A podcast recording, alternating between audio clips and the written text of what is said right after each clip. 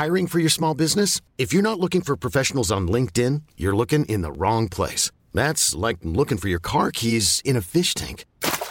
LinkedIn helps you hire professionals you can't find anywhere else, even those who aren't actively searching for a new job but might be open to the perfect role. In a given month, over 70% of LinkedIn users don't even visit other leading job sites. So start looking in the right place. With LinkedIn, you can hire professionals like a professional. Post your free job on linkedin.com slash achieve today. Even on a budget, quality is non-negotiable. That's why Quince is the place to score high-end essentials at 50 to 80% less than similar brands. Get your hands on buttery soft cashmere sweaters from just 60 bucks, Italian leather jackets, and so much more. And the best part about Quince, they exclusively partner with factories committed to safe, ethical, and responsible manufacturing. Elevate your style without the elevated price tag with Quince. Go to quince.com slash upgrade for free shipping and 365-day returns. Hey, it's Ryan Reynolds, and I'm here with Keith, co-star of my upcoming film, If, only in theaters May 17th. Do you want to tell people the big news? All right, I'll do it. Sign up now and you'll get unlimited for $15 a month in six months of Paramount Plus Essential Plan on us. Mintmobile.com slash switch. Upfront payment of $45 equivalent to $15 per month. Unlimited over 40 gigabytes per month. Face lower speeds. Videos at 480p. Active Mint customers by 531.24 get six months of Paramount Plus Essential Plan. Auto renews after six months. Offer ends May 31st, 2024. Separate Paramount Plus registration required. Terms and conditions apply if rated PG. Vi är denna vecka sponsrade av Indie Beauty. Och Sofie, det här tycker jag är extra fint och extra roligt. Ja men Indie Beauty är ju ett skönhetsvarumärke som jag tror att väldigt många känner till, men det jag älskar mest det är att Indie Beauty liksom vill vara mer än bara produkter, vilket de ju också är. Exakt. Indie Beauty står ju för Independent Beauty, skönhet på dina villkor och för din egen skull.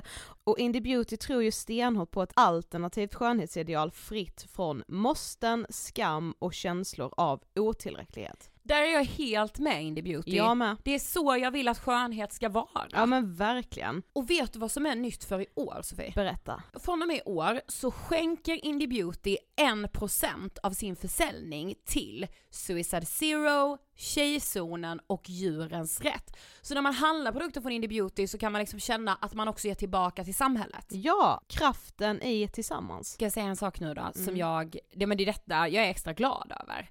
Nu har Indie Beauty tagit fram en keps och den tycker jag ändå så på sommaren, skydda sig från solen, Jättebra, jag älskar kepsen. men det bästa, de bidrar till Suicide Zeros viktiga arbete för att minska antalet självmord och självmordsförsök.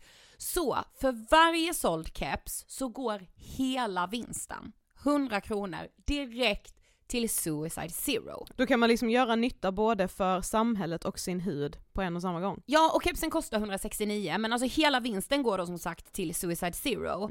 Så om man vill göra skillnad när man är där ute i solen, nu när den börjar titta fram, då ska man välja den här kepsen. Den säljs exklusivt på indiebeauty.se och på Apotea. Tillsammans kan vi skapa en ljusare framtid. Vi ses med kepsarna på! Tack Indie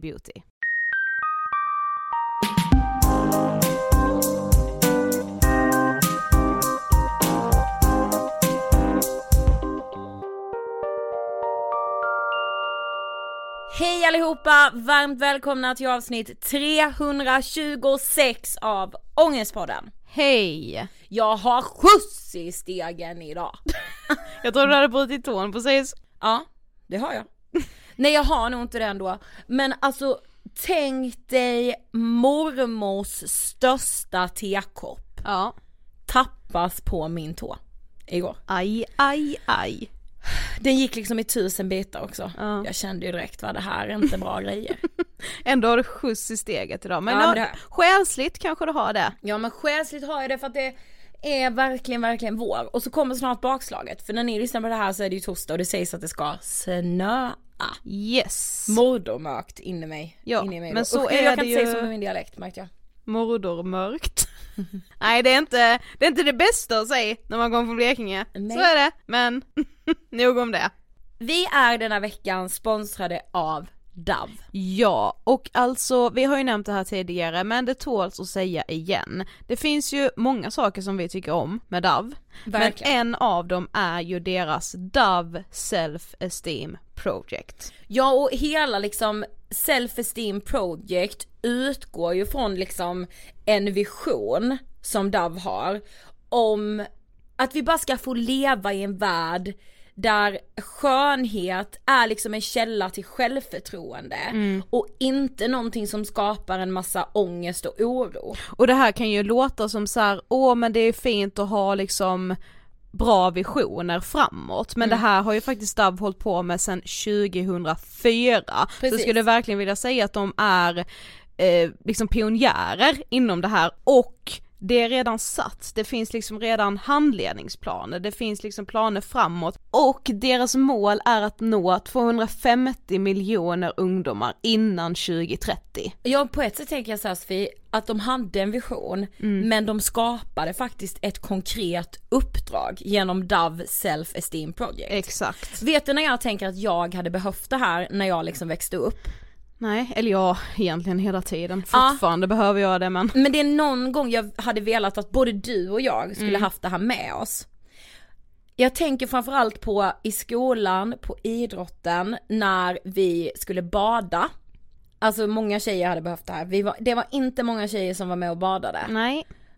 Och liksom, för dig och mig var ju det här, alltså vi hade ju det här som en sån ångestgrej. Ja men alltså man visste ju det, innan varje termin så visste man ju att några gånger per termin så skulle man ju liksom simma med på Exakt. idrotten. Och jag visste det redan när jag påbörjade varje termin att jag kommer inte vara med den här gången heller. Nej, alltså det Det går finns inte, på min Nej, världskarta. alltså jag klarade inte av att min kropp skulle bli granskad, Nej. att den skulle liksom, att någon skulle titta på den och kunna tycka saker om den. Precis. Jag önskar bara att jag hade känt, tänk om jag hade kunnat gå ut där vid simbassängen och tänka så här. Vänta nu, den här kroppen, den kommer få mig att simma många, många, många, många längder här Mm. idag. Den kommer få mig att ha kul med mina klasskompisar, den kommer, alltså jag ska bara klara av en sak i skolan. Ja men det sorgliga i det hela är väl också att så här, inte bara att det fanns en risk att andra skulle ha åsikter om ens egen kropp, utan tyvärr hade man ju redan negativa åsikter om sin egna kropp. Det kan jag ju ha än idag liksom. Mm. Precis. Ja, det har jag, men eh, det är så hemskt att det började så tidigt. Jag känner så här, nu är vi med Dav Mm. på liksom hela den här resan. Vi vill vara med och säkerställa att nästa generation, framförallt unga kvinnor, känner sig tillfreds med vilka de är, hur de ser ut, att de kan få vara stolta och känna det när de växer upp. Och som sagt så finns det ju massa guider på Doves hemsida Ja. under fliken Dove Self Esteem Project. Där kan man bland annat läsa som förälder eller man kanske har något yngre syskon eller man kanske träffar många yngre som man tänker behöver hjälp med sin Exakt. självkänsla. Då finns det guider där för hur man själv ska prata om sin kropp eh, och få liksom bygga en kroppslig självkänsla. Jag älskar det. Ja det är så bra. Tusen tack Dav. Sofie, den här veckan Yes. Men det här var ju liksom en intervju som gjorde oss båda väldigt, väldigt omtumlade. Ja, för den här veckan gästas vi nämligen av Ingela Jansson, numera kallad Kristin. Precis, Som- men, men mest känd ändå som Ingela Jansson i media nu. Ja, som ju har varit bokaktuell nu sen i vintras med sin bok Mina åtta år i Callity, hur småstadstjejen Ingela blev storbedragerskan och hamnade i Etiopiens mest fruktade fängelse. Ja, Quality. Ja, Eh, och alltså att träffa liksom Kristin och bara Alltså för mig gjorde hon sånt avtryck för att det går inte att föreställa sig vad hon har behövt gå igenom. nej, alltså det gör det verkligen inte. Alltså man, om man bara försöker sätta sig in i tanken av att, att liksom bli av med alla sina rättigheter. D- Ja det går ju inte att sätta sig in i det men det är ju det som händer när du hamnar i Callity. Jo, alltså verkligen. Och vi, nej men vi drar inte ut på det här. Vi rullar intervjun med Kristin, dåvarande Ingla, om tiden i Quality. Varsågoda! Hej Kristin och varmt välkommen till Ångestpodden. Tack så mycket. Kul att ha dig här. det är kul att vara här. Men för de som inte vet, vem är du? Jag är småstadstjejen som, eh, som hamnade riktigt, riktigt snett. Hamnade in i, eh, på kriminella banor och eh, förstörde hela mitt, eh, mitt eh, vuxna liv kan man säga. Mm. Eh, och eh, även drog med sig andra i min omgivning och eh, eh, utsatte mina barn för att eh, växa upp utan sin mamma. Och det är det vi ska prata om idag. Men, men först ska du få vår eh, Ångestpodden-fråga. Eh, vad tänker du på när du hör ordet ångest? Oj. Ehm, jag tänker på otroligt många mörka stunder eh, som jag har eh, upplevt i mitt liv. Och eh, ångest, jag minns mm, en av mina första eh, ångestattacker eh, när jag hör, eh, som direkt kommer till Ja. mig. Eh, liksom panikångestattack eh, som jag hade. Och det var faktiskt eh, en, en sån där panikångestattack som kom i efterhand. Ja. Mm. Eh, inte just när jag var uppe i min första relation när jag ändå utsattes för övergrepp och, och eh, fysiskt våld. Ja. Ehm, så kom inte panikångesten utan den började komma efteråt. Efter, ja. Mm. Men du växte upp i en bilhandlarfamilj i Västergötland. Berätta lite, alltså hur var din uppväxt? Eh, jag kan säga att oh, ordet ångest kom ju upp mycket i, i, eh, under min uppväxt Mm. utan att man riktigt förstod vad det var för någonting. Mm. Eh, min uppväxt var ju eh, eh, visserligen tänker jag att många eh, växer idag upp i, i destruktiva fa- familjer, absolut.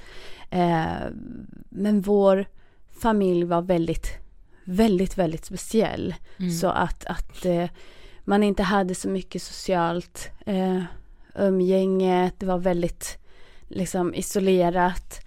Ehm, ganska mycket hot om att passar det inte så kan du flytta.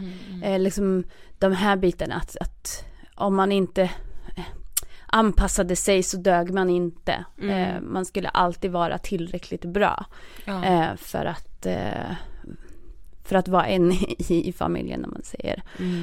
Mm, det var som sagt en bilhandlarfamilj där eh, det handlade om pengar, det handlade om att eh, göra affärer, använda sin intelligens i affärssammanhang. Eh, inte för att man skulle utbilda sig, utveckla sig eller eh, ganska låg allmänbildning. Mm. Ehm, det var eh, oerhörda kunskaper kring eh, bilar och eh, business. Eh, men, men sen var det inte så mycket mer. Ja. Men ja, för när man läser din bok så får man liksom intrycket av att du hela tiden som tonåring och som ung vuxen att du liksom ville bevisa att så här, jag klarar av saker, du ville tjäna mycket pengar. Men berätta alltså när går den här jakten på framgång snett? Ehm, ja men det, det, det är ju det här att, att eh, som jag säger då, man präglas av att eh, eh, göra affärer och tjäna pengar. För, för mig så var det ju faktiskt just att när jag hade tjänat pengar så kunde jag få bekräftelse. När jag hade gjort en affär så jag, eh, och det här är någonting som jag har försökt eh, som jag själv har reflekterat över jättemycket i efterhand. Var jag så himla girig? Ville jag ha så mycket pengar egentligen? Eller var jag ganska nöjd med om jag bara klarade mig? Ja, svaret var, jag var ganska nöjd. Om min pappa gav mig ett uppdrag att, för att, att sälja hans bil och så skulle han ha ett, ett, eh, ett minsta pris för den. Jag kunde lika gärna sälja den för minsta priset utan att få den här provisionen. Eh, Om kunden var nöjd och pappa var nöjd, då var jag supernöjd. För då hade jag gjort två människor eh, liksom glada. eh, faktiskt. Eh, så, att, så att det var ju affären i sig som gav mig bekräftelse och det var ju då jag var eh, som, liksom nöjd med mig själv. Pappa hade klappat mig på huvudet. Eh, och det här eh, går ju snett när, när jag då har fått den här eh, kontakten, en person som, eh, som faktiskt drar in mig i Precis. liksom ett, ett, eh, eh, ett led av affärer. Och till en början så blir det ju wow, nu, det här, här kan jag göra affärer. För att visionen var ändå hela tiden att vi skulle ha en stor, fin, seriös bilfirma tillsammans. Det skulle inte vara eh, skogsbilhandlaren som jag ville bli, utan jag ville bli den där som hade en fin bilfirma. Och vi lämnade garantier och det var liksom ordning och reda. Liksom, det var han visade upp en sida till en början att man, att man verkligen, man trodde verkligen att han hade gått på de här fina skolorna och han liksom eh, levde där eh, livet. Och eh, så att det går snett där. Mm. Men vad är det som händer då? Så vad är det han egentligen lurar in dig i? Med facit på hand så vet ju jag om att han faktiskt eh, lurar precis alla människor som han eh, möter. Och även då ett kriminellt eh, nätverk. Ja.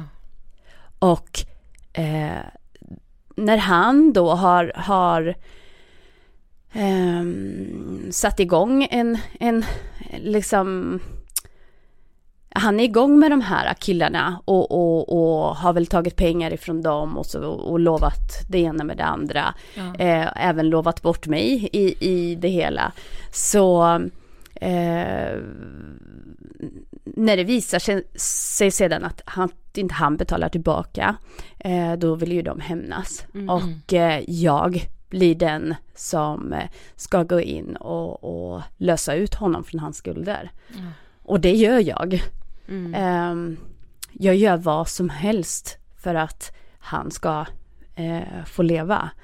Och det är inte så här att heller en person ringer upp mig, ska killen få leva eller dö? Utan det händer ju faktiskt någonting. Det är ju en situation eh, som spelas upp, en, en, en scen som spelas upp framför mina ögon. Och jag är 22 år gammal och har två barn.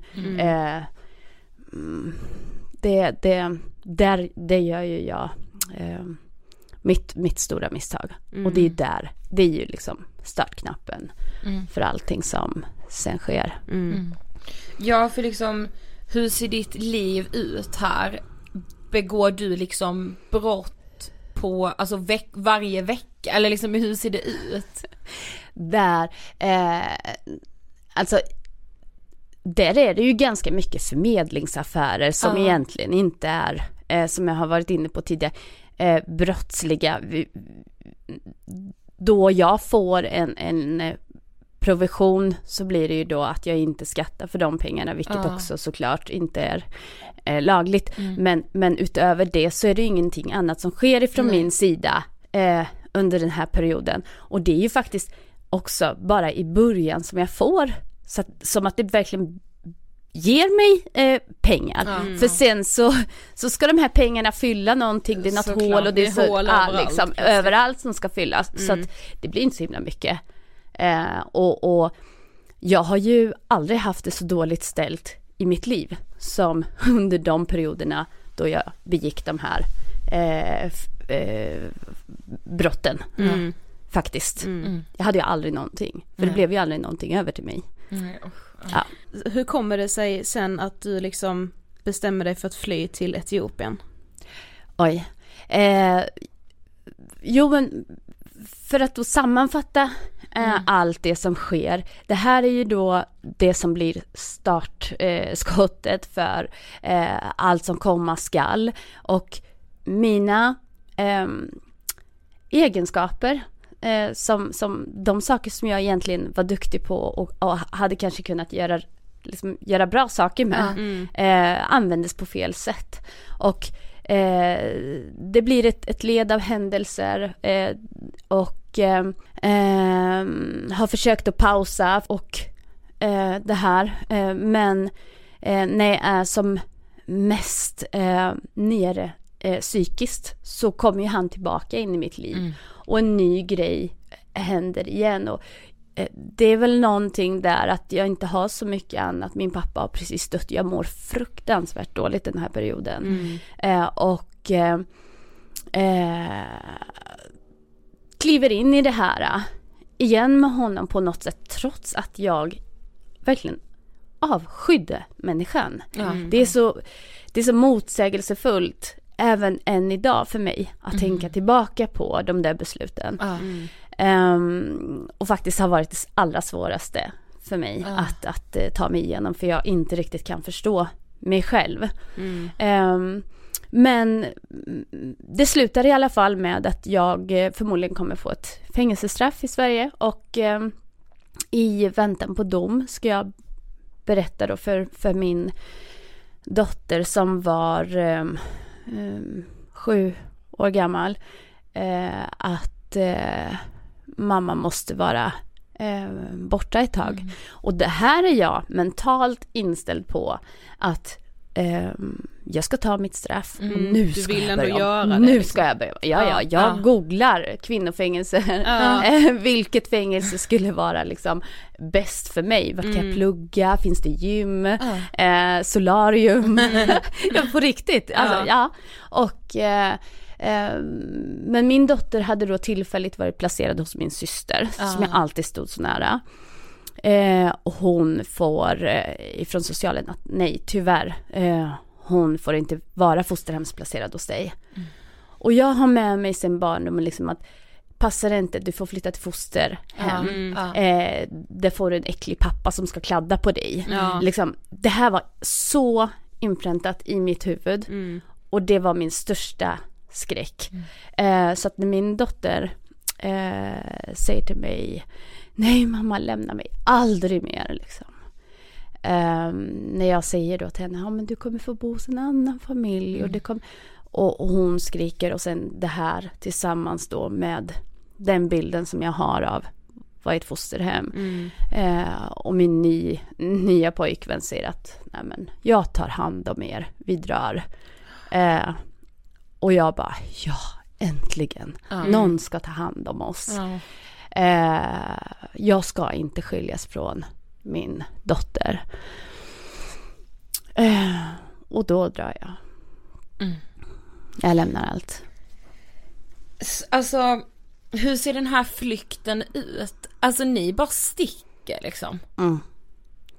Det är ju, alltså det är galet. Ja, ja men för det, alltså när man läser om det också i boken så känns det så himla, alltså filmiskt. Mm. Det, Det, det ja. känns som det är en film. Ja. Och, eh, och jag kan säga att det är många scener i mitt liv som idag när jag tittar tillbaka på det och när jag läser, det känns så surrealistiskt att är det sant? Precis. Är det här sant? Ja, faktiskt. Och ehm, jag har ju inte så många anknytningar alls. Jag, min pappa har precis dött. Min syster mår ju väldigt dåligt. Eh, eh, och, och träffat en ny pojkvän, destruktiv. Eh, det, är liksom, det är inget bra. Jag har ingen bra kontakt med, med de övriga familjen. Eh, Det, känns inte som att du har någon trygg punkt jag har aldrig haft en trygg punkt. Nej, kan jag säga. nej. Aldrig. Och, och, och det här är eh, någonting som jag kämpar med ännu. Mm. Liksom, att, att man har den här eh, fasta, trygga eh, punkten i, i livet. Mm. Så man vet liksom att här eh, är min plats. Mm. Och ehm, när, när min pappa eh, dog och ehm, även min eh, syster hade dött Mm. eh, då jag var i Etiopien eh, så säljer de eh, och jag får inte tag på min familj men jag sitter och googlar i Etiopien och får fram att de har sålt mitt barndom, eller vårt bar, barndomshem Mm. gården där jag växte upp. Och även om det inte var de lyckligaste stunderna där, men när jag såg det här, det var någonting som hände där. Mm. Att jag var så arg på min mamma att hon kunde göra sig av med det. Ja. Jag visste att pappa ville att det skulle alltid finnas kvar. Mm. Eh, och det var ju liksom det enda eh, som jag någonsin har kunnat kalla liksom hem. Mm. Ehm, även om man inte alltid kände sig välkommen dit. Mm. Eh, så att eh, det här har ju, ja, för att återkomma då, det, det, det här har ju liksom, eh, vi har aldrig haft det där trygga.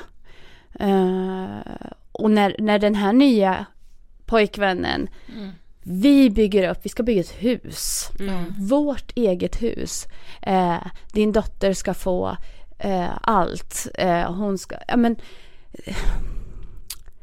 Jag vet inte. Det var, det var liksom drömmen. Mm. Vi behöver inte bli jätterika. Vi behöver inte bara jobba normalt. Liksom börja om. Han hade inte heller haft det lätt. Han hade inte heller liksom alltid levt på rätt sida. Mm. Eh, det, här var, det här var en bra start, liksom, en bra chans. Ja men för vad är planen då när ni kommer ner till Etiopien? Vad tänker ni att ni ska jobba med och liksom hur ska livet se ut? Vi, vi köper ju en, eh, en grävmaskin i Holland som vi eh, fraktar di- ner. Mm. Och där så är det ju så att har du bara liksom en maskin och eh, hyr ut den, då klarar ju du dig Mm. ganska bra. Alltså väldigt bra.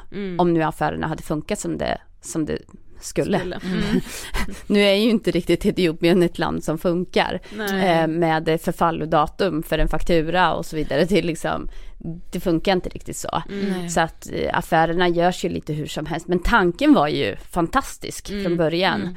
Eh, och eh, man får ju en ganska okej summa då om man hyr ut eh, en, en, någon form av maskin då till eh, olika jobb. Det kan vara en grävmaskin eller det kan vara en eh, doser, vad heter de här? Eh, eh, Vi bara, Ja, ja, precis. ja. Engelska liksom. Ja, Ja, också construction machinery liksom. Ja. ja, men säg en lastbil eller en Ja. liksom, ja men någonting sånt där. Mm. Så, eh, ja men då har du det, då kan du leva bra. Ja. Ja. Och, och vi ville väl bygga en familj. Mm. Jag trodde ju fortfarande att jag skulle få en massa fler barn. Mm. Ehm, och det var det som var tanken. Mm. Sen hade ju han en dröm om ehm, liksom en hjälporganisation för barn. Det pratade vi väldigt mycket om. Väldigt, väldigt mycket. Liksom barnhem eller liksom någon, någonting där man hjälper barnen. Och det var också någonting som lockade mig jättemycket. Ja. Men han skulle göra så mycket annat först. Mm. Det var liksom, de där drömmarna kom sist och det här med att jag och min dotter skulle eh, få den där lyckan och, och få det där hemmet. Det, liksom, det blev i sista hand. Eh, så vi var inte så viktiga när vi väl kom ner. Nej för tankarna lät Mm. ju väldigt goda men vad hände? Och jag tror absolut att hans avsikter var goda. Ja. Men eh, har man, kommer man från Afrika och eh, flyttar till Sverige, växer upp, då, då de flesta jag har träffat eh, har med sig det här. De har en, en känsla av ansvar, de ska bygga upp familjen, de ska eh, hjälpa mamma, de ska bygga hus till mamma, det är deras dröm. Det är så mycket som då eh, sätts i fokus. Det är släktingar man inte har träffat på, ja men under hela sin uppväxt. Ja, ja. Och nu låter det som att jag försvarar honom, men det gör jag inte, utan jag försöker att se nyktert på eh, eh, vad det var som, som hände. Och han hade heller inte med sig några sunda värderingar från sin uppväxt. Nej. Han hade problem med aggressioner och när familjen pressade honom eh, liksom med pengar och allt det här, då gick det ut över mig. Mm. Och han var ju ångerfull, men faktum är ju att jag fick rejält med fy, alltså stryk. Mm. Eh, och det var även psykiskt ehm, till den grad att jag liksom fullkomligt slutade känna något egenvärde. Ja. Ehm, absolut ingen egen vilja. ehm, utan jag, jag blev blyg, alltså jag, Ja. jag blev en helt annan person. Eh, och eh, allt jag ville göra var att göra honom glad. Eh, både jag och min dotter till slut gick på tå Jaha, ja. och, och, vän, och, och, och, och försökte bara liksom anpassa oss, foga oss. Han fick inte bli på dåligt humör. Han, vi skulle inte störa honom, vi skulle inte stressa honom.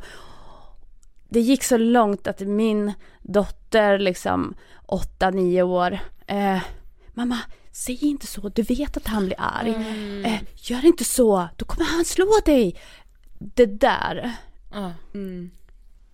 Det är ju någonting, och det här att, att jag idag, vuxen, ehm,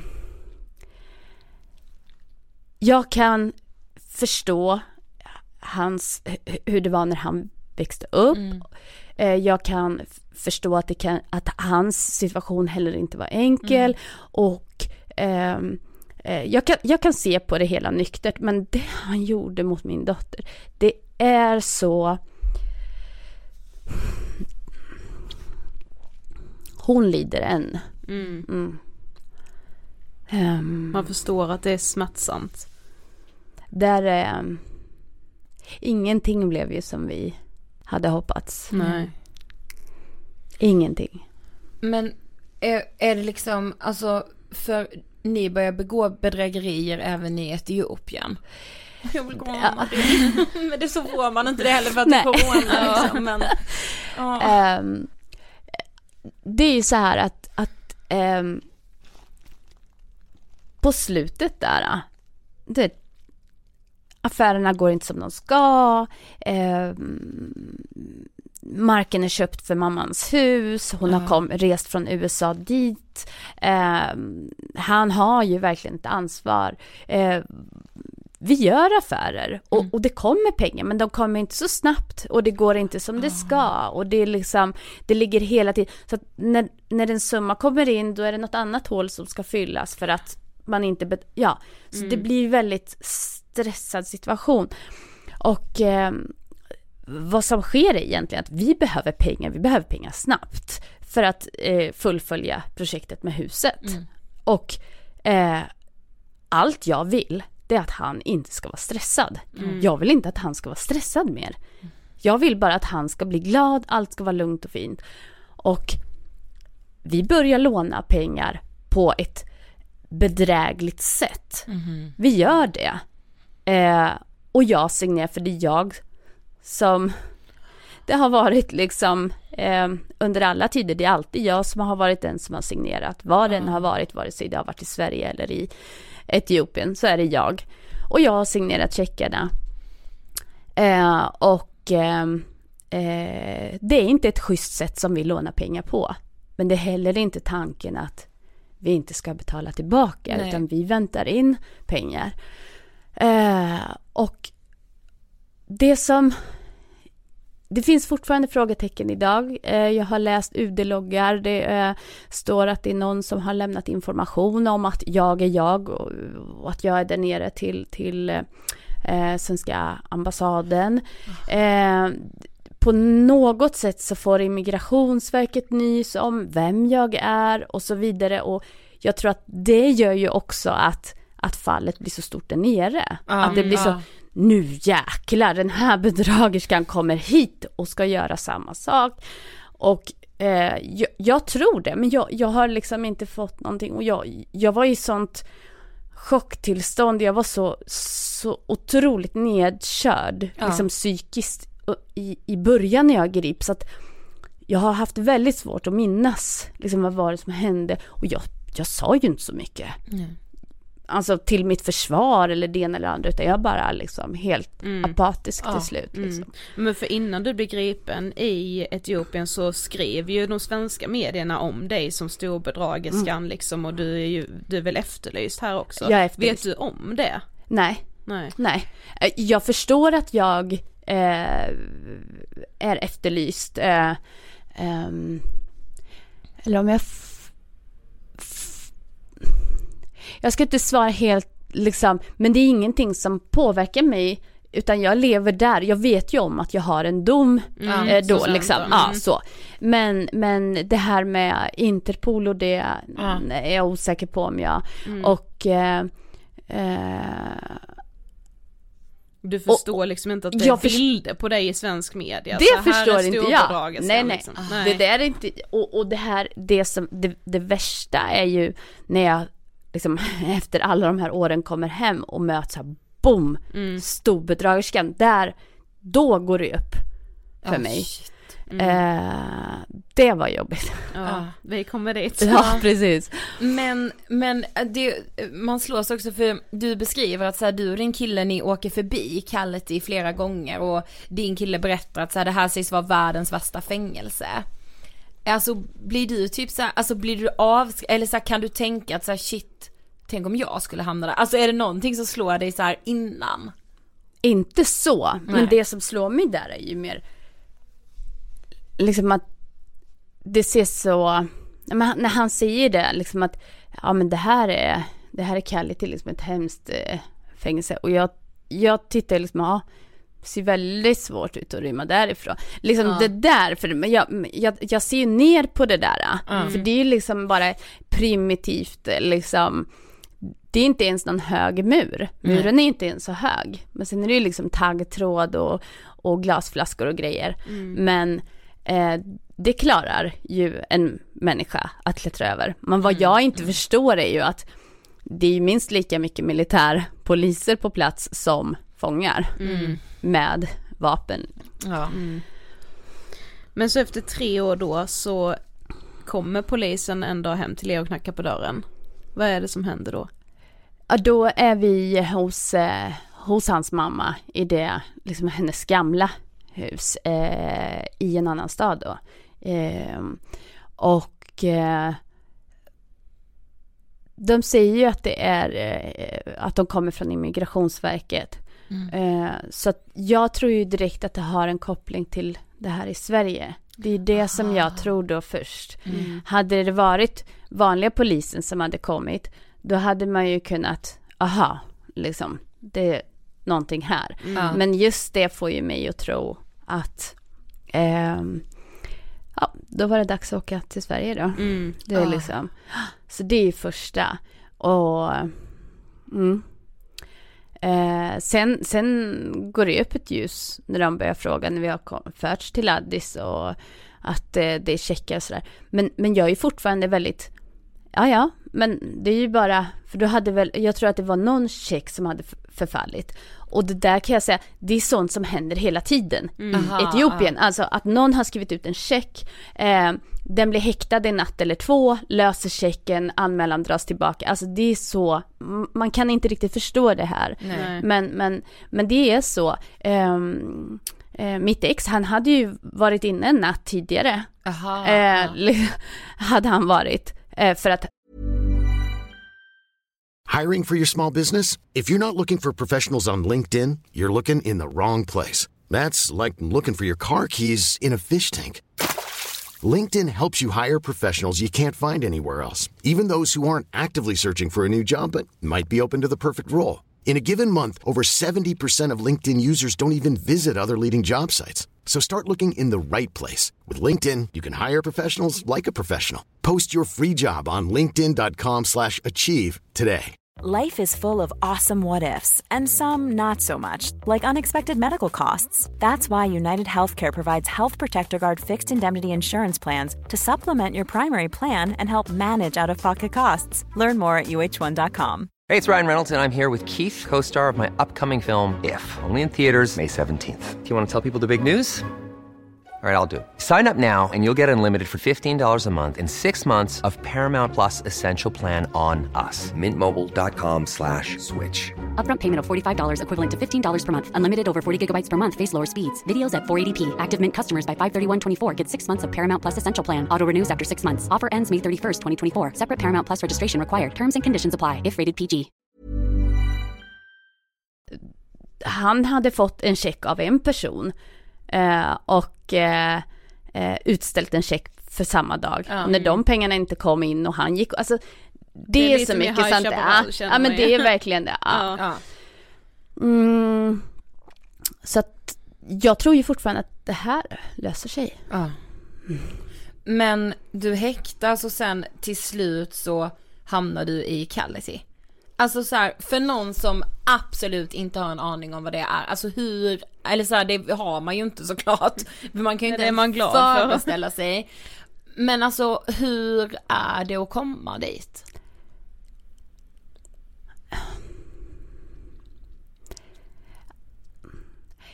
Jag kan ju fortfarande se den där första blicken. Jag, kan- jag, jag ser det fortfarande glasklart eh, när jag kliver in, eh, när jag åker in i den här eh, minibussen. Det är det är liksom det är rödbrun sand. ehm, det är plåtskjul eh, med flagnande färg. Eh, det är lerhus. Eh, allt är så primitivt. Och det är ett hav av militärpoliser med vapen. Det, det, det första man Liksom, det första man tänker på det är ett fångläger, alltså det eh, med, alltså, krigsfångläger liksom. Det, det är det första man tänker när man, man kommer in där. Vad är det, vad fan har jag kommit? Ja. Alltså det är verkligen den första liksom, vart är jag någonstans? Och det var det var ju verkligen så otroligt ehm, svårt att förstå att det här är på riktigt. Ja. Jag minns en, eh, två, tre, fyra, kanske eh, tio dagar senare som jag sitter så här och liksom ruskar till på huvudet. Är jag här? Eller är det här mitt liv? Mm. Eller drömmer jag? Alltså på riktigt. Mm. Det är så surrealistiskt. Mm. Men hur sover ni? Alltså så här, gå på toalett, alltså sådana saker. Ja, men allt sånt sker ju helt öppet. För det första. Att gå på toaletten är ju ingen privatsak där. Bara en sån sak är ju eh, fruktansvärt. Eh, eh, och, och, och, och kvinnor, vi vet alla, vi har eh, våra eh, perioder där man, där man verkligen behöver sköta sin hygien, vilket eh, de flesta inte ens har möjlighet till att göra. Och det blir eh, otroligt eh, liksom vidrigt. Ehm, eh, och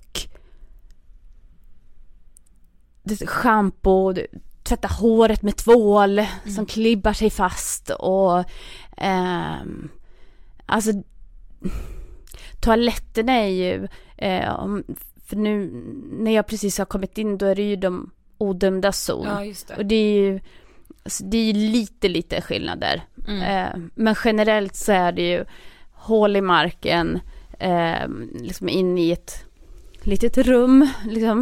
Eh, det är ju plåtskjul som är uppbyggt, så avdelat kan man säga. Ehm, och eh, med liksom cement och så ner. Eh, och så spolar du liksom en hink som du tappar upp och du håller ju allting liksom med dina händer. Ni kan tänka, det är inte konstigt att människor liksom hela tiden är sjuka. Nej, det är ju, eh, toalettpapper måste du köpa själv. Ja. Om, och, och, och 99 procent 99,9% använder inte toalettpapper utan det är bara lite vatten och så. Mm. Äh, Det, är, det, är, det är så fruktansvärt. Och det fanns tider då jag inte hade, jag hade inte ens tandkräm. Kunde inte borsta mina tänder. Jag hade liksom en pinne jag gick runt med och gnuggade på tänderna. Ehm, och, och, och det är också någonting som de flesta gör. Det är inte alls alla som borstar sina tänder liksom. Men vad är det du blir dömd för? Alltså hur många år ska du sitta där? Vet du liksom när du åker in att så här länge kommer jag vara här? Nej. Eller vad tänker du? Nej, eh, utan eh, jag blir ju dömd till, eh, det blir ju så många checkar då som är utställda och eh, det är inte som i Sverige att här lägger man ihop, eh, här får du nästan rabatt för ju Ja, fler brott precis. du har gjort Ja, liksom. precis. Eh, Mängdrabatt. Ja precis, ja, ja, men precis mängd, Ja. mängdrabatt då liksom. Det, det, där är det tvärtom. Där är det så här att eh, åt, på grund av återupprepade eh, brottsliga Ja. handlingar så får man extra liksom. Eh, eh, hårt straff då. Och så de gjorde ju inte ett mål, utan Nej. de gjorde, jag hade ju fem olika mål med olika checkar som är inlagda. Och det blev ju till slut 55 år. Gud. Alltså 55 år. Alltså jag fick en rysning för att jag, Ja. Och det är så här, okej, 25 år är max i praktiken, men quality förändras hela tiden. Etiopiska eh, liksom rättssystemet, allt det där. Vad som helst kan hända, de kan bara säga så här, nej du måste stanna ditt straff. Så att man måste ju hela tiden utgå från att ja men det är 55 år som kan, det kan bli 55 år. Ja. Ehm, ja, jag fick ju ett disciplinstraff, alltså till exempel man har ju en del, precis som i Sverige då, att efter två tredjedelar så kan man ansöka om att få komma ut tidigare. Mm. Ehm, men, men ja, den här delen, 50% liksom av den delen tog de bort för mig på grund av att jag sa till, ehm, jag sa ifrån till en officer. Ehm, och då sa de att du får ett disciplinstraff på fyra och ett halvt år. ja, ja, på riktigt. Det är så att förstå vad man behöver göra i Sverige för att ens få sitta. Precis, för att Så- ens få sitta i fyra och ett halvt år. Ja. Och det var för att jag, eh, jag sa ifrån. För jag var trött på att hon provocerade mig. Och det var ju ändå, Och då var det ändå en det var ändå alltså som- sista gången jag sa Ja, ja, det förstår jag. Ja. Men vad gjorde hon som gjorde dig provocerad? Eh, det, det finns också med i boken, för det är en lång, det är en, en, en lång eh, historia, men, men, eh, men hon, hon, hon var ute efter alla. Eh, det var en ny zonchef som, som skulle liksom göra livet så surt som möjligt för alla och provocerade fram. Det var inte bara jag kan jag tillägga, utan det var jättemånga som fick bortplockade 100% av deras eh, disciplin. Eh, Alltså de här Ja. möjligheten till delen. Det var där. kanske det hon var ute efter. Ja, ja, jo men det var det. Ja. Det var det. Och hon var ju också med och, och vinkade av mig när jag gick därifrån. Det var lite roligt. Ja. men hade du någon kontakt med någon i Sverige under tiden som du sitter i Quality? Eh, mina barn, eh, vid några få tillfällen då. Ja, För jag för svenska ambassaden kommer ändå liksom då, ja precis. till dig, alltså hur Ja. ofta kommer de? Eh, det där har ju också gått verkligen, det har ju verkligen varit i perioder. Ehm, det, går, det går inte att, att säga generellt, men eh, för det fanns ju en tid då de sa att reglerna säger att vi inte måste komma mer än var sjätte månad, men jag ska försöka komma var tredje månad. Eh, så att då var det liksom lite någonstans däremellan eh, Jaha. under en period. Sen var det ju en period, eh, 2016, då var de ju där varje månad och Ja. nästan på dagen, nästan varenda gång, för då var det ju en tjänstekvinna som var helt fantastisk. Så att, ja, Det berodde lite på mm, vem som... vem ja. som var. Ja. Men för, alltså fick man någon form av hjälp där inne, alltså typ terapi eller liksom, alltså hur såg dagarna ut? Nej. Alltså, nej. Eh, det finns ju ingenting sånt. Utan det var en, en läkare som kom från mentalsjukhuset en gång i veckan varje onsdag under alla åtta år. Samma läkare som har en rad eh, patienter att, att avverka under en förmiddag. Så ni kan tänka er, man kommer in, eh, sover du, sover du inte? Eh, ja, nej. Ökad dos, minskad dos. Punkt. Alltså det var inget annat. Eh, eh, han hade inte tid. Eh, det fanns inte resurser. Sen fanns det ju ehm, vid ett tillfälle, då lyckades jag ju ehm, genom att jag var på sjukhuset för, för mina magbesvär. Och eh, eh, ja men liksom att, att de remitterade mig till en annan avdelning. För de här småpoliserna som vi kallar dem som var med oss på sjukhus, de hade ju inte så mycket koll på saker och ting, tänkte vi, jag. Ehm, och eh, kommer in till en psykolog och, och, och börjar berätta, för jag hade, liksom, det viktiga för dem var ju att det stod på ett kort, liksom att jag hade en tidpunkt, eh, liksom Ja. appointment då liksom. Mm. Och de sitter med där och eh, första mötet gick bra, andra gången då har de skickat någon som kan engelska utan att liksom, jag vet om det här. Ehm, och jag har faktiskt, jag har inte sagt någonting dåligt om själva fängelseledningen eller så, utan bara om förhållanden, att jag mådde verkligen fruktansvärt dåligt. Mm. Um, men det gick ju då till chefen, så de stängde ju av mig såklart. Jag fick ju inte gå till någon psykolog, för jag hade berättat om att jag mådde dåligt. Ja. Men du får ju också väldigt tunga mediciner, eller du får mycket mediciner. Alltså är du liksom, är det som någon slags räddning för dig? Ja, det här är ju också någonting som jag har tänkt på väldigt mycket och eh, den första tiden, ehm, de första två, tre åren är ju verkligen väldigt, väldigt, väldigt mörka. Eh, jag brukar se det som att den tiden eh, var det som sämst, liksom psykiskt, medan sista tiden är som sämst fysiskt. Aha, Eh, så. Eh, och eh, det är verkligen mörkt och jag tror att om jag inte hade fått hjälp att trubba av, eftersom jag är en person som tänker ganska mycket, ehm, då, då kanske hade slå, slagit slint på riktigt. Jag kanske inte hade kommit ut med, med förståndet liksom i, i behåll. För det var sån, det är sån enorm påfrestning. Du, vet, du kommer, du är van vid att kunna ha kläder på dig, en filt när du fryser, schampo att tvätta ditt hår med, äta när du är hungrig, eh, dricka vatten när du är törstig, kunna köpa mediciner när du har ont eller sjuk eller mm, någonting sker. Du är van vid att ha kontakt med den du vill, när du vill, eh, sova bredvid ditt barn. Allting tas ifrån dig. Plus att du är där på obestämd tid. Du vet Exakt. ännu inte, eh, för att återkomma till din fråga, jag visste inte hur länge jag skulle vara där. Nej. Det tog mig nästan, jag tror det är ungefär två år då, tills jag har den slutgiltiga domen. Ja. Så att det är så extrema påfrestningar för det, våran lilla, lilla hjärna. Ehm, och jag tror att det var min räddning, Ja. faktiskt. Sen är jag ju fullt medveten om att det sämsta man kan göra är att gå och käka en massa tabletter. Ja. Och idag så är jag ju nästan, liksom har blivit anti för att jag vet också vad det gör med en Mm. att käka mediciner. Men, men då tror jag att ehm, det var eh, min räddning. Mm. Ja för hur, alltså hur, hur ser man ens på livet? Alltså att gå runt och tänka att det finns en risk att jag behöver vara här i 55 Ah, år. Nej, men, ja. Alltså ah. hur, Ah. Hur har man ens livslusten kvar i Ah. det läget? Man har inte det. Eh, och, eh, men, men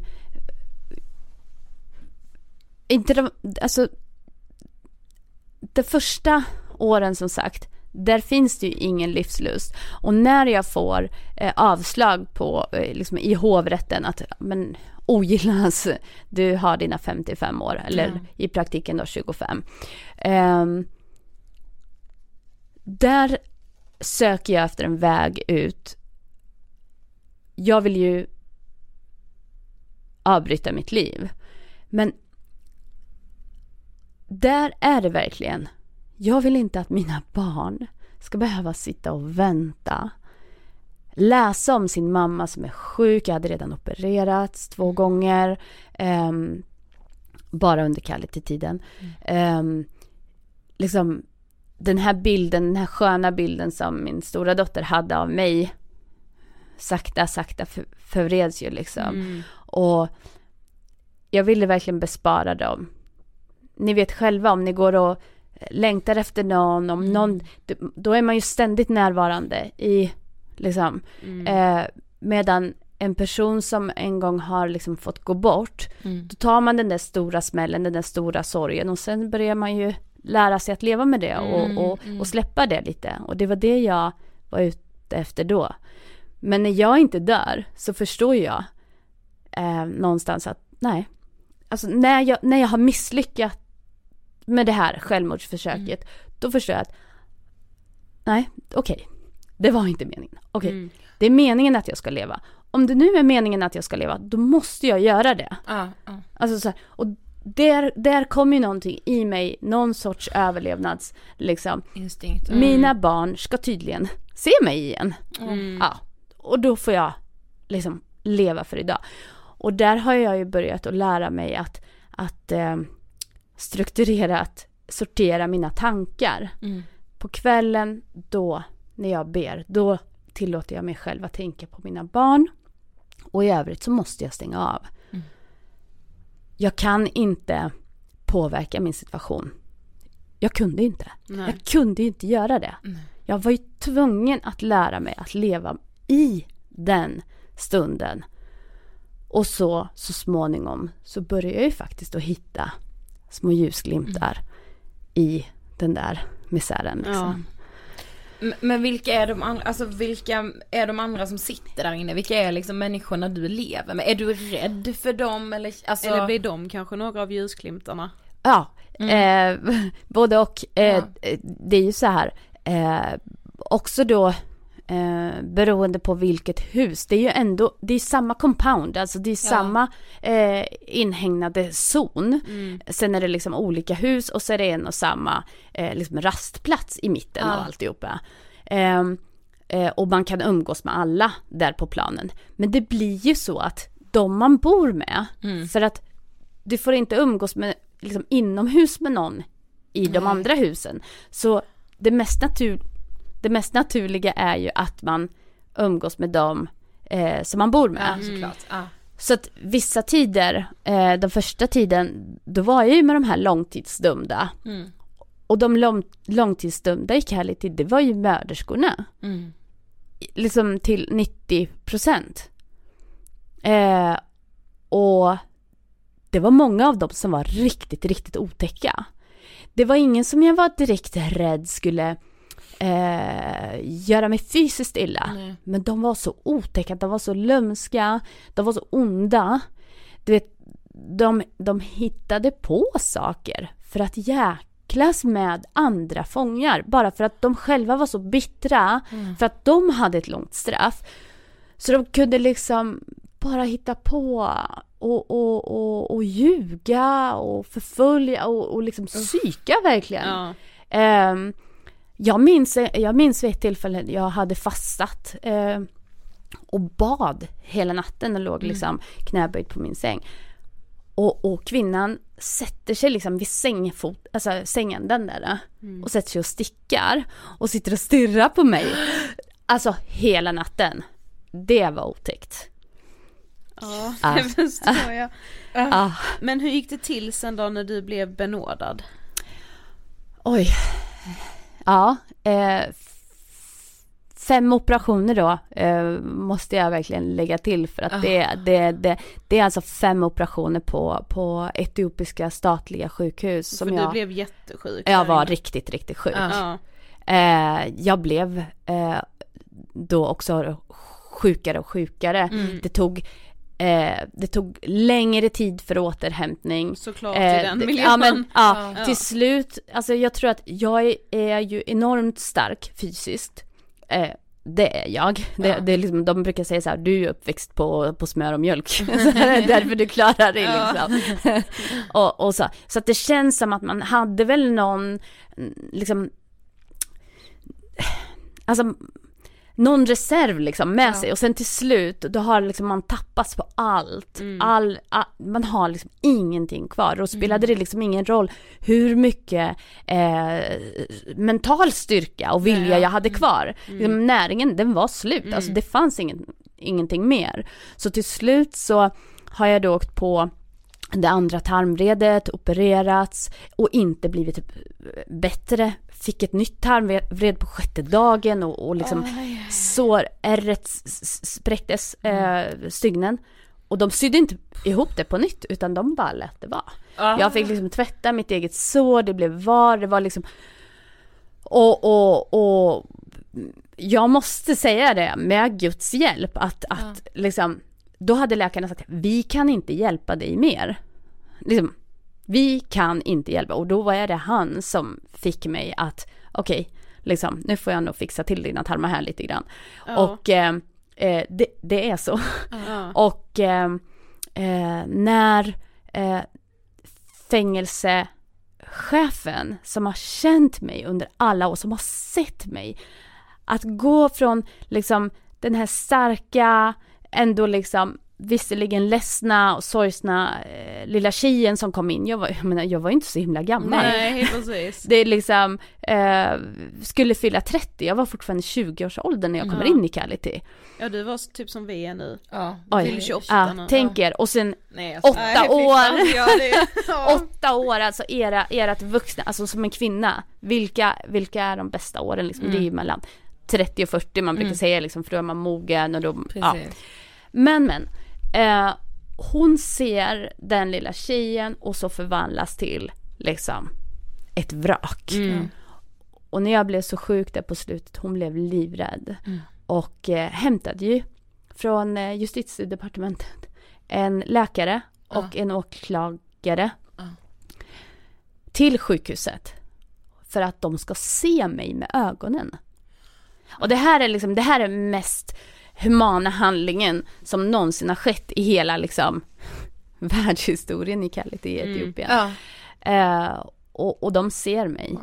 Och eh, hon säger låt henne dö i sitt hemland. Inte låt henne komma hem till sitt land och få vård. Utan hon säger verkligen de här orden. Låt henne få dö i sitt hemland för guds skull liksom. Mm. Eh, så hon kämpar för att jag ska få bli benådad. Och eh, jag trodde inte det var sant. Men tror du att det är så att du blir det för att du är så sjuk? De Det, det, står, också. det står på, eh, på pappret från Ja. president som de har signerat. Ja, av de tänker hälsoskäl. också att så här, du ska ändå få dö hemma Ja, i Sverige. Ja. Jo, jo. Mm. Så är det. Mm. Så att det är ju liksom, eh, det står eh, på grund av hälsoskäl Mm. och eh, eh, hennes, alltså fängelsechefen, hennes intention med att eh, påbörja den här benådningsprocessen och gå in så, så liksom starkt för mig, det är för att hon vill inte se mig död där. Mm. Hon vill inte.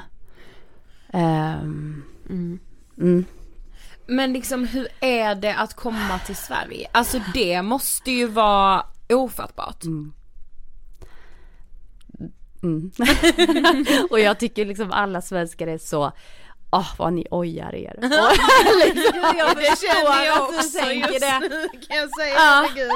Ja. men, men, men, ja, jag försöker tänka så här alltid att det är ingenting som säger att min huvudvärk är ondare än din huvudvärk, utan allting är ju relativt eh, vad man har varit med om, vad man liksom eh, så. Men, men jag tänker lite sådär att fasen var nöjd lite med vad vi har, alltså vad ni har. När jag kom hem, det, det, det är liksom så här, det bara återkommer som ett, som ett mantra när jag sitter i taxin från Arlanda och ser det här vackra, strukturerade, rena Sverige bara, ni svenskar fattar ingenting. och, och det, men, ja, det- var verkligen så. Och det, det, det kom tillbaka de första veckorna. Och du vet, varje gång jag skulle köpa någonting, då räknade jag om det till burr, till etiopiska burr och tänkte hur mycket pengar det skulle bli om man skickade ner det dit, hur mycket mat det skulle räcka till. Alltså det satt så djupt. Här går vi och köper oss en korv. När man kan köpa, ja men du vet, en korv med bröd, jag vet inte, 30-40 spänn. När man kan köpa för 100 någonting spänn, då kan man äta en vecka i Kality. Alltså så ehm, gick man runt och, och, och tänkte. Mm.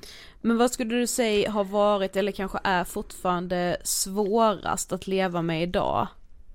Av hela den här liksom, Av Kality eller mitt liv? av ditt liv? Mm, Skammen. Mm. Det är utan tvekan, alltså skulden. Och då är det liksom skulden, alltså, Gentemot mina barn mm, och de personer som drogs in. Eh, där är skulden och skammen den är ju generellt. mm, Det är ju alla människor som man möter, man, man vet att det finns eh, människor som har så mycket fördomar och, och också faktiskt i vissa fall kan man tänka att man har varit lite väl hård emot mig eftersom jag var trots allt en rätt ung tjej, alltså väldigt ung när allt det här började. Om man liksom ser hela bilden så kan man ju ändå förstå hur och varför det gick som det gick. Ja. Sen har jag, och det har jag sagt hela tiden också, jag har ju en skuld i liksom allting. Jag har ju, eh, jag står ju för mina handlingar, men kan samtidigt förstå den, den där lilla tjejen som Ja. hamnade snett. Och eh, det är jobbigt att leva med det här. Det är jobbigt. Ehm, Men du ska veta det att, jag, jag sa ju detta till dig igår Sofie, alltså när man läser din bok och när man får liksom bakgrundshistorien, jag sa till Sofie igår, alltså det skulle kunna vara vem som helst, för att också hamna liksom i greppet på en man som är äldre än en själv, men som har så mycket mer makt än man har som kvinna. Och att bara så här vilja lösa någonting för sina barn, alltså vem som helst. Och den här rotlösheten. Mm, Ja! säga. Att inte vara liksom trygg, att in, aldrig liksom ha känt att så här, ja men hemma är jag trygg oavsett hur jag presterar eller vem jag är som person. Precis. Jag kommer inte bli bortvald eller skjutsad till Ja. ett fosterhem Nej. där någon annan Nej. vill kladda på mig. Nej. Alltså det är ju Ja. liksom, det är som att du har levt under hot. och det är så. Hela livet. Och det är sant. Ja. Så, jag skulle kunna, jag kan säga att det har varit svårt att skriva boken för att jag ehm, har ju skrivit den tillsammans med Lena, min medförfattare.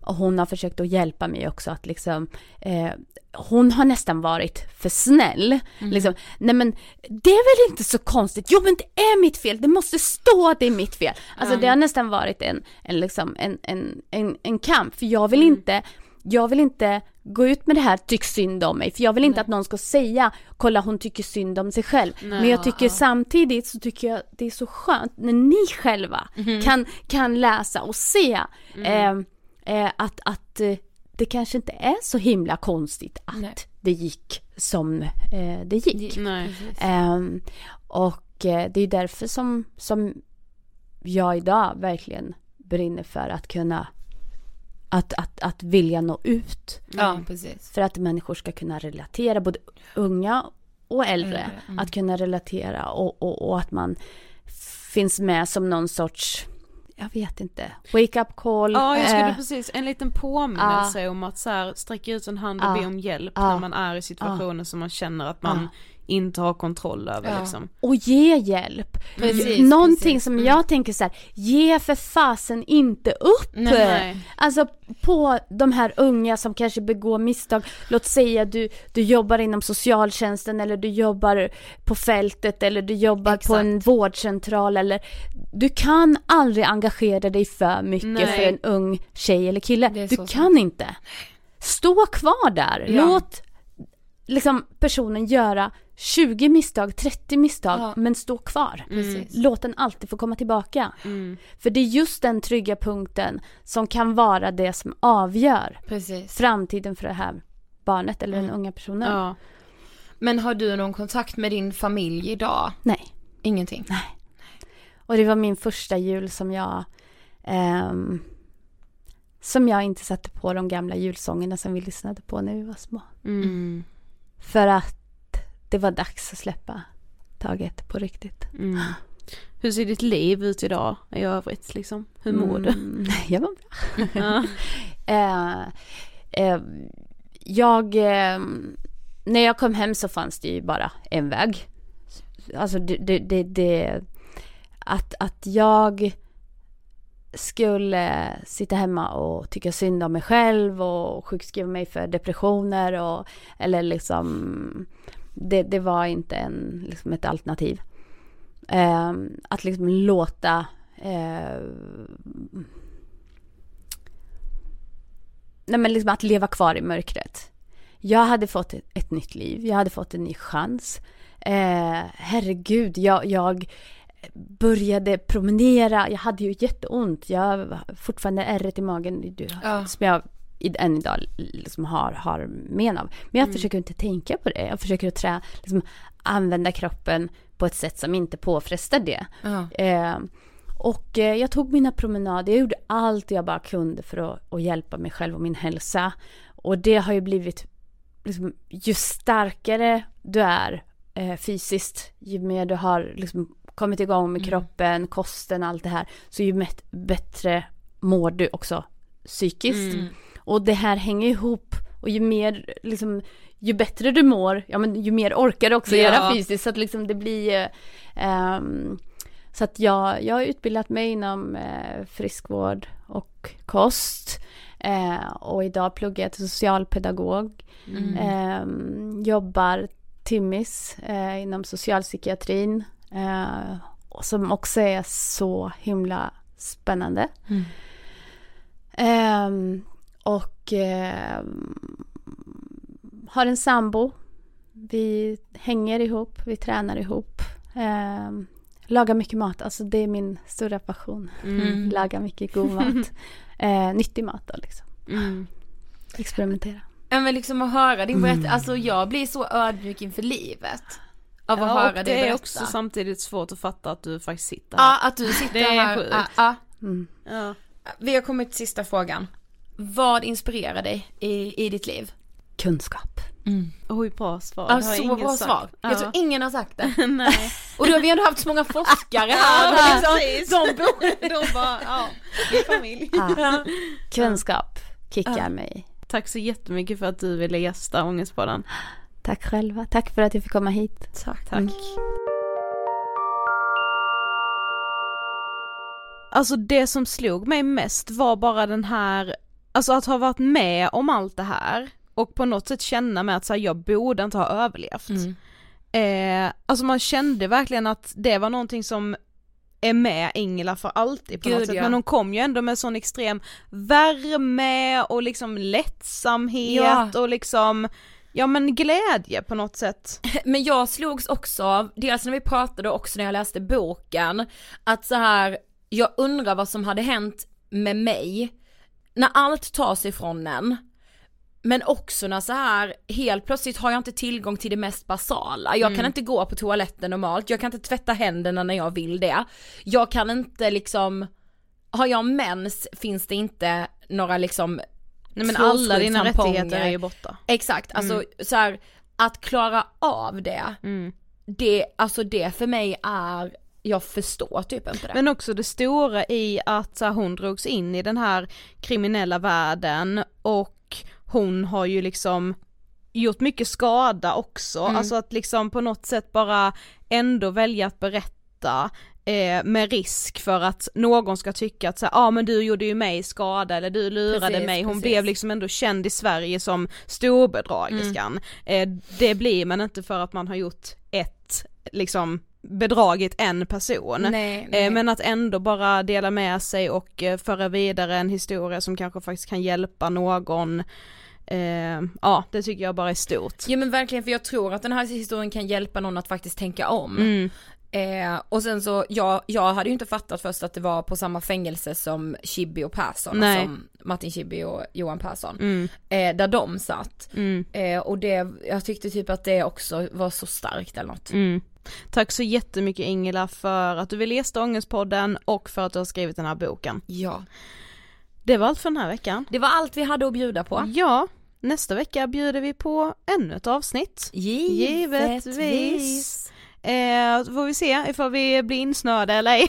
Nej men Det är så, det är med ja det är fan liksom, pessimistiskt. Ja, Ja, okej. Mm. Vi hörs i alla fall oavsett det väder och vi. vind nästa vecka. Absolut. Ha det gött! Puss puss! Hej då! Hej.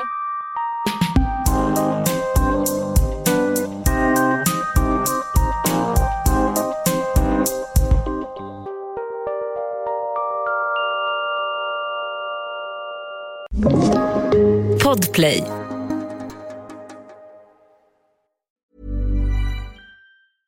Hey, it's Paige DeSorbo from Giggly Squad. High quality fashion without the price tag. Say hello to Quince. I'm snagging high-end essentials like cozy cashmere sweaters, sleek leather jackets, fine jewelry, and so much more. With Quince being 50 to 80% less than similar brands. And they partner with factories that prioritize safe, ethical, and responsible manufacturing. I love that. Luxury quality within reach. Go to quince.com slash style to get free shipping and 365 day returns on your next order. quince.com slash style.